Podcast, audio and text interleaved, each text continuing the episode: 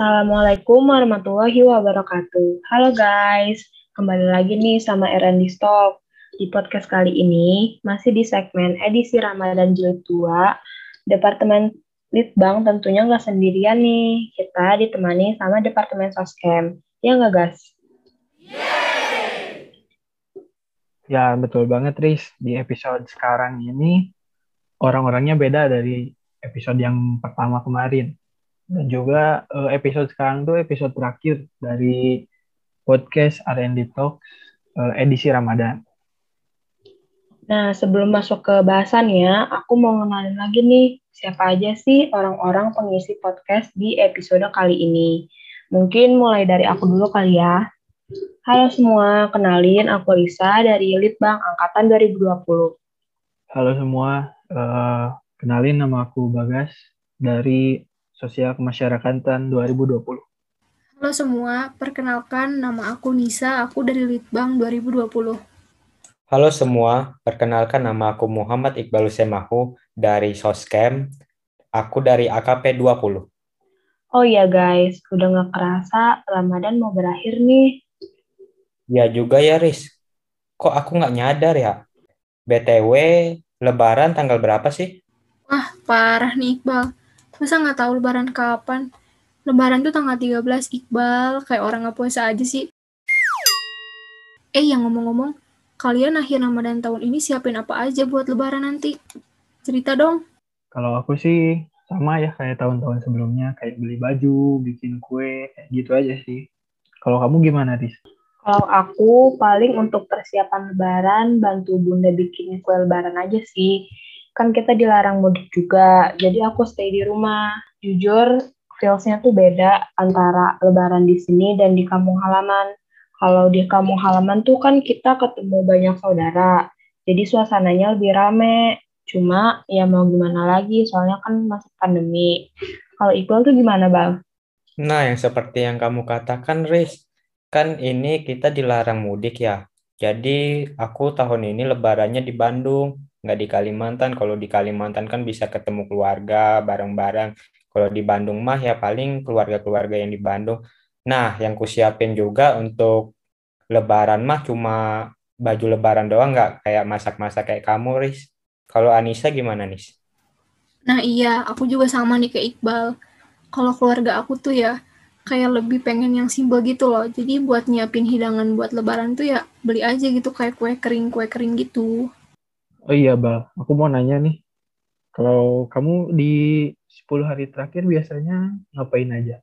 Nah, yang aku lakukan di 10 hari Ramadan ini, ya paling kayak tidur sampai siang, pagi kuliah, sama malamnya aku ikut ibadah itikaf nih, guys, supaya mendapatkan malam Lailatul Qadar. Oh iya, ngomongin Lailatul Qadar, aku penasaran sebenarnya asal mula adanya Lailatul Qadar itu gimana? Nah, untuk Lailatul Qadar sendiri itu sumbernya banyak. Tapi yang aku tahu tuh ada cerita tentang Nabi Samun Al-Ghazi. Jadi Nabi Samun Al-Ghazi itu uh, kan nabi yang kuat. Jadi nabi beliau itu berperang lawan bangsa yang menentang ketuhanan Allah. Singkat cerita, sang raja dari kawasan itu tuh cari jalan nih untuk ngalahin Nabi Samun. E, pada akhirnya itu atas nasihat dari penasehatnya diumumkanlah bikin sayembara barang siapa yang bisa nangkap Nabi Samun akan dikasih emas dan permata yang berlimpah. Nah setelah itu istrinya tuh tergiur nih. Akhirnya dia bilang ke Nabi Samun dan Nabi Samun itu terpedaya sama istrinya. Karena sayang dan cinta pada istrinya itu. Nabi Samun itu berkata, jika kamu ingin mendapatkanku dalam keadaan tak berdaya, maka ikatlah aku dengan potongan rambutku. Akhirnya Nabi Samun itu diikat oleh istrinya saat ia tertidur. Terus dibawa ke hadapan sang raja, beliau ini disiksa, dibutakan matanya, diikat, sama dipertontonkan ke masyarakat. Karena diperlakukan yang sedemikian hebatnya itu, Nabi Samun itu berdoa kepada Allah Beliau berdoa dengan dimulai dengan bertaubat, kemudian memohon pertolongan atas kebesaran Allah. Doa Nabi Samun itu dikabulkan nih. istana raja bersama seluruh masyarakat sama istri dan kerabatnya itu musnah, hancur. Kemudian beliau bersumpah kepada Allah akan menembus dosa-dosanya dengan berjuang menumpah semua kebatilan yang lamanya itu seribu bulan. Setelah Rasulullah SAW selesai menceritakan kisah tersebut, ada satu sahabat yang berkata, Ya Rasulullah, kami itu ingin beribadah seperti Nabiullah Sam'un al-Ghazi. Kemudian Rasulullah itu diam karena belum ada wahyu tentang itu. Nah, tidak lama dari itu datanglah malaikat Jibril alaihissalam datang dan mewahyukan kepada beliau bahwa pada bulan Ramadan itu ada sebuah malam yang mana malam itu lebih baik daripada seribu bulan. Ya, wahyunya itu surat Al-Qadar ayat 1 sampai 3. Kalau tentang nama dari Lailatul Qadar atau pengertian dari Lailatul Qadar, para ulama itu berbeda pendapat. Ada yang bilang malam Lailatul Qadar itu malam kemuliaan. Ada juga yang bilang malam yang penuh, malam yang sesak karena ketika itu malaikat turun ke bumi. Ada pula yang bilang malam penetapan takdir. Ada juga yang bilang bahwa Lailatul Qadar dinamakan seperti itu karena pada malam tersebut turun kitab yang mulia, turun rahmat dan turun malaikat yang mulia. Jadi gitu gitu ri eh, asal mula sama pengertian dari Lailatul Qadar. Oh gitu, aku jadi tahu nih gimana asal mulanya Lailatul Qadar ada. Iya nih, aku juga jadi tahu nih kisah Nabi Allah, yaitu Nabi Syamun sama peng beberapa pengertian dari masing-masing pendapat tentang Lailatul Qadar. Oh iya, aku mau nanya nih. Kalian tahu nggak sih tanda-tanda Lailatul Qadar? Kalau aku nggak tahu, emang gimana? Aku juga nggak tahu. Emangnya gimana sih? Uh, jadi aku tuh pernah baca nih di suatu literatur, katanya kalau malam Lailatul Qadar itu masuk ke dalam peristiwa yang goib yang mana nggak ada satupun orang tahu kecuali Allah. Nah, oleh karena itu, satu-satunya jalan buat kita tahu nih, hanyalah melalui Al-Quran dan hadis. Aku udah baca nih hadisnya, riwayat dari Ibnu Abbas, Rasulullah Shallallahu Alaihi Wasallam bersabda, Lailatul Qadar adalah malam yang penuh kebaikan dan kemudahan. Tidak begitu panas, juga tidak begitu dingin. Pada pagi hari, matahari bersinar tidak begitu cerah dan nampak kemerah-merahan yang begitu menghangatkan dan menenangkan hadis riwayat Al-Baihaqi.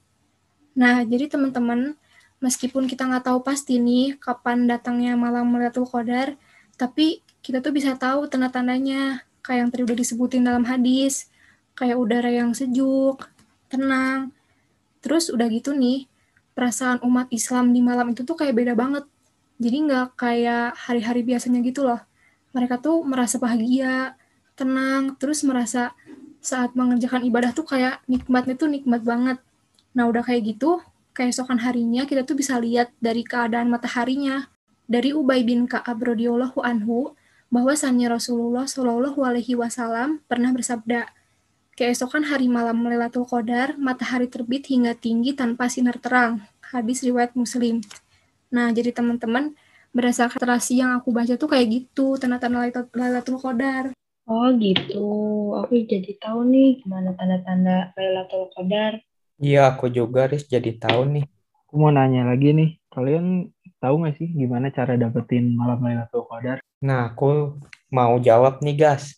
Seperti yang tadi diterangkan Anissa, bahwa malam Lailatul Qadar sendiri itu peristiwanya kan goib ya dan dilihat juga tanda-tandanya tuh bisa terlihat ketika kita menjalankan ibadahnya dan atau keesokan harinya ya.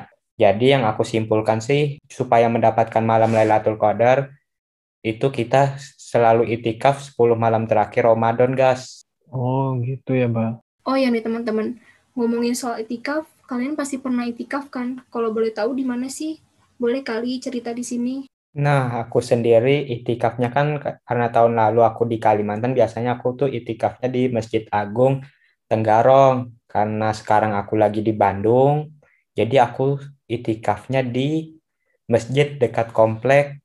Kalau Bagas gimana, Gas? Kalau aku sekarang lagi enggak sih, soalnya kan di sini lagi banyak yang kena COVID juga. Jadi kan aku biasanya di Masjid Salman ITB ya.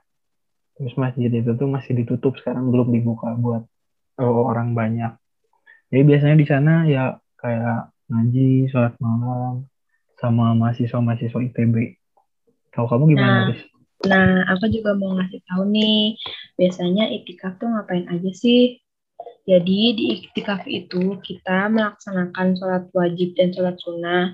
Kita juga baca Al-Quran, berzikir dari mulai setelah tarawih berakhir sampai menjelang subuh. Terus dengan itikaf kita jadi merasakan malam Lailatul Qadar dan lebih dekat dengan Allah. Oh iya, aku mau nanya ke kalian. Kalau orang yang lagi haid itu, ada nggak sih amalan yang bisa dikerjakan di 10 malam terakhir gitu? Jelas ada dong, Riz. Jadi perempuan yang lagi haid ini tuh bisa banget melakukan amalan di malam Lailatul Qadar. Nah, yang pertama tuh bisa memperbanyak berdoa, terus membaca bacaan zikir, bisa juga bersolawat. Udah kayak gitu tuh bisa mendengarkan lantunan ayat suci Al-Quran, sama menuntut ilmu. Nah, menuntut ilmu di sini tuh bisa kayak membaca, mendengarkan eh, ceramah dan kajian kayak gitu. Nah, zaman sekarang tuh kan makin canggih nih ya. Kita tuh bisa banget manfaatin platform digital kayak YouTube, Spotify buat dengerin kajian di sana. Terus udah kayak gitu bisa juga bersedekah. Nah, bersedekah di sini tuh nggak sebatas memberikan materi aja loh. Bisa juga kayak membantu orang yang sedang membutuhkan bantuan. Terus juga mempersiapkan santapan buat sahur, santapan buat berbuka. Itu juga bisa jadi sedekah loh, Riz. Oh, jadi gitu. Ada banyak juga ya amalan yang kita lakuin kalau misalkan lagi haid.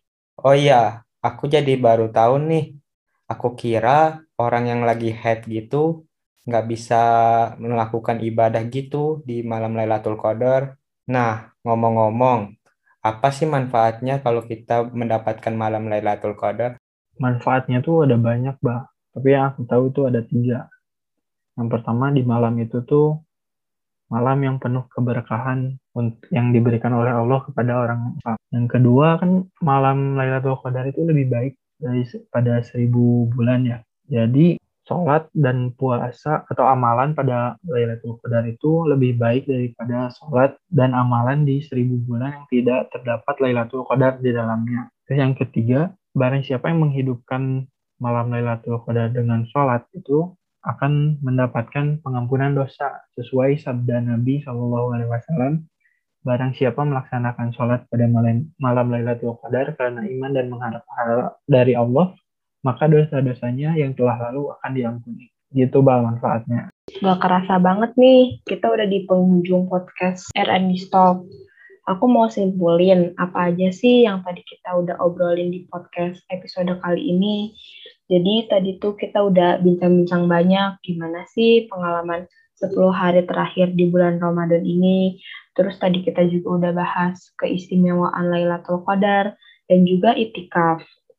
Nah, karena tadi udah berbincang banyak nih sama Departemen Soscam, aku mau ngucapin banyak terima kasih buat Departemen Soscam yang selama dua episode dari Ellen di Stock ini udah ngejalanin bareng-bareng nih sama Litbang. Kami dari Departemen Litbang dan Departemen Soscam Hima AKP mengucapkan Selamat merayakan Idul Fitri 1442 Hijriah. Minal aizin wal faizin.